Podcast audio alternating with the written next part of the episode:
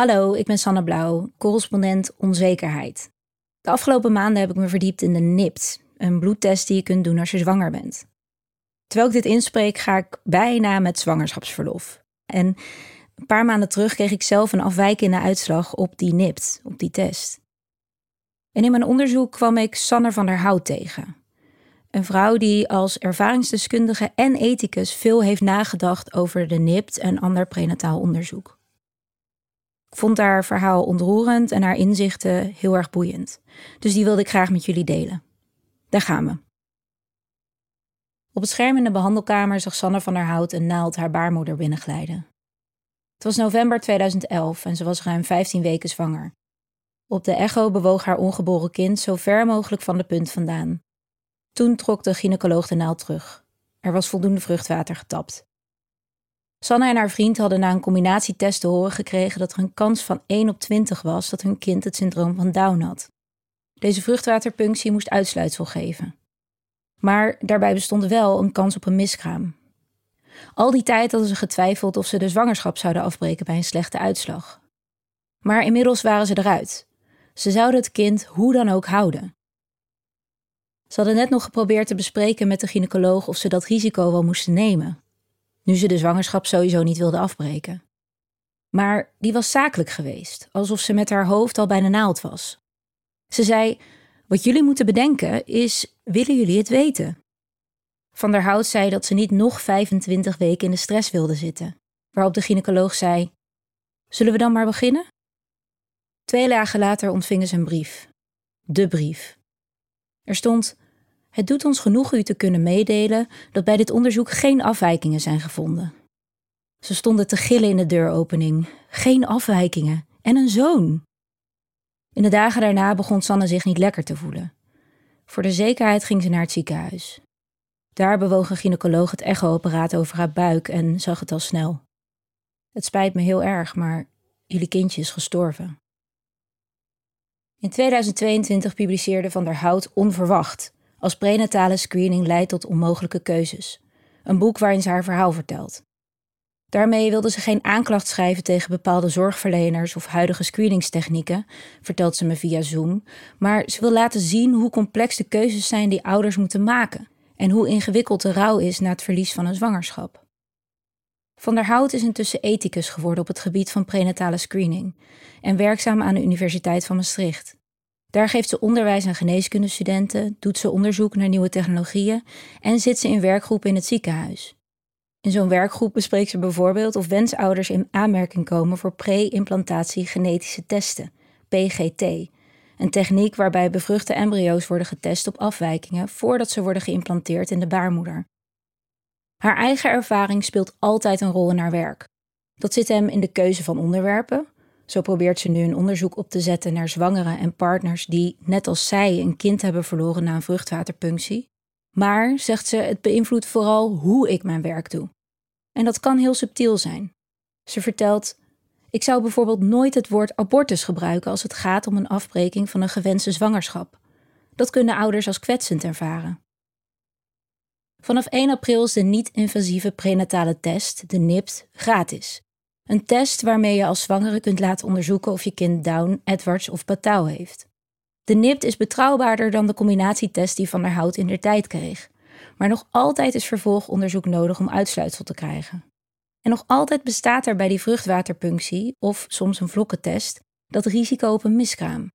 Dus komen ouders nog steeds voor een moeilijke keuze te staan als ze zo'n vervolgonderzoek nodig hebben om duidelijkheid te krijgen.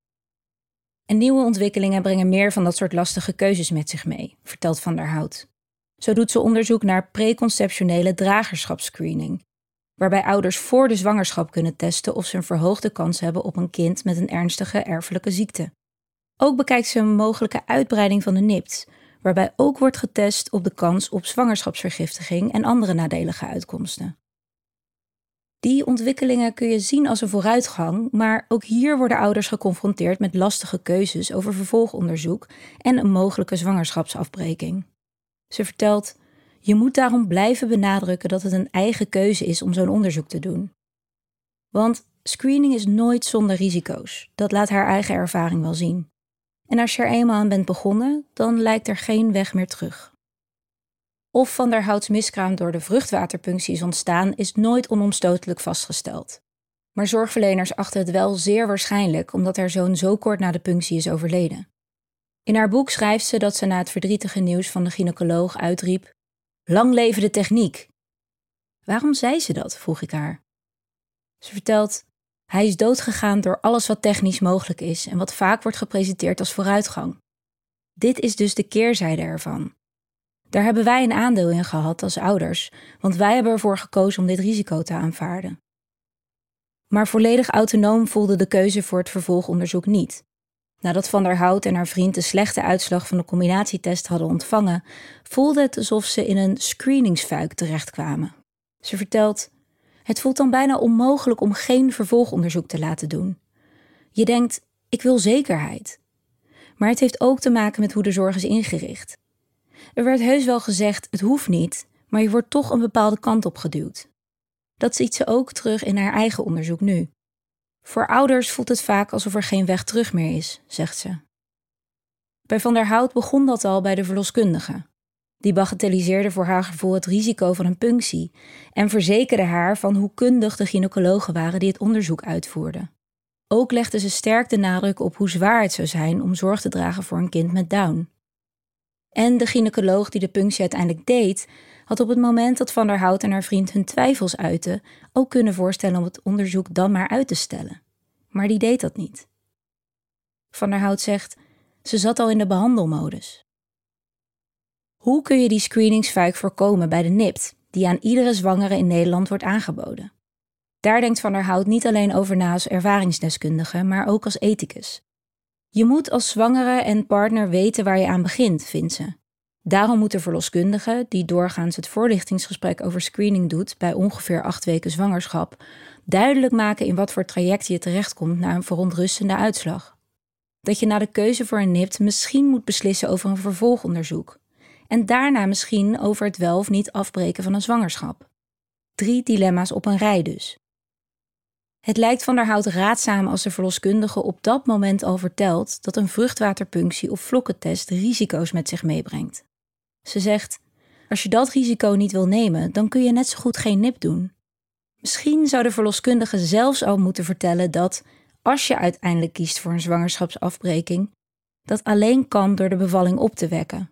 Een heftige ervaring voor veel zwangeren. Het is nogal wat om dat allemaal te horen zo vroeg in je zwangerschap, als je nog lekker op je roze wolk zit. Maar je wil ze ook niet in die mate met allerlei uitzonderlijke scenario's confronteren dat je ze daardoor afschrikt van deelname aan de NIPT. Als de zwangere en haar partner zich door angst laten leiden, maken ze ook geen autonome keuze. En geeft Van der Hout toe, zelfs met de meest perfecte counseling, en in Nederland is het al van topkwaliteit, kunnen we de screeningsfuik niet altijd voorkomen. De zwangere en haar partner zijn soms met heel andere dingen bezig, waardoor de boodschap simpelweg niet binnenkomt. Wat de keuze voor een NIPT extra lastig maakt, je kunt niet altijd inschatten hoe je over een paar weken denkt over een vervolgonderzoek of een afbreking. Je kunt bloed laten prikken vanaf 10 weken zwangerschap en een vruchtwaterpunctie kan pas bij 15 weken. Van der Hout zegt: dan heb je soms het kindje al voelen bewegen. Dat is een hele andere fase. Een afbreking kan tot 24 weken, dan ben je opnieuw veel verder en meer gehecht geraakt aan je kind. Daarom is het belangrijk dat zorgverleners na een afwijkende uitslag van de NIPT blijven vragen hoe iemand denkt over de volgende stappen. Al is het lastig om dan nog uit de screeningsfuik te komen, erkent ze. Als je erin zit, dan is het eigenlijk al te laat. Moet je zo'n lastige keuze voor een prenataal onderzoek überhaupt wel voorleggen aan ouders? Van der Hout denkt van wel. Naar aanleiding van haar boek spreekt ze regelmatig ouders die lastige keuzes hebben moeten maken, bijvoorbeeld voor een zwangerschapsafbreking bij een kind met Down. Dat tekent hen voor het leven, maar sommigen zien het ook als voorrecht dat ze die keuze mochten maken. Maar nu worden toekomstige ouders veel te veel als louter rationele wezens aangesproken, vindt ze. Zelf heeft ze geen principiële bezwaren tegen zwangerschapsafbreking, maar ze kwam erachter dat ze het zelf niet kon. Dan zou ik niet meer met mezelf door één deur kunnen, zegt ze. Dat heeft veel meer te maken met gevoel dan met ratio.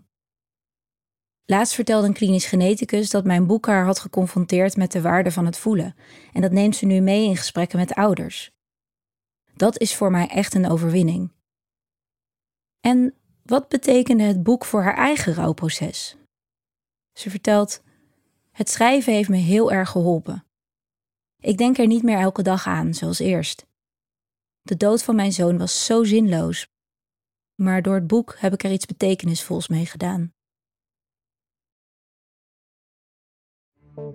Het is de missie van de correspondent om voorbij de waan van de dag te gaan. Onze correspondenten voorzien het nieuws van context en schrijven over de grote thema's van deze tijd. De correspondent geeft me de vrijheid om mijn nieuwsgierigheid te volgen en de tijd om verhalen te schrijven. En zo probeer ik onzichtbare structuren zichtbaar te maken en een andere kijk te bieden op debatten die het nieuws domineren. Dan gaat het minder over het spelletje en veel meer over wat er op het spel staat. Vanaf dag 1 zijn onze artikelen, boeken en podcasts gefinancierd door onze leden. Volg ons op onze journalistieke zoektocht. Overweeg eens lid te worden van de correspondent. En maak daarmee samen met ruim 70.000 anderen onze onafhankelijke journalistiek mogelijk. Dus word lid van de correspondent. Ja. Word lid. Word lid.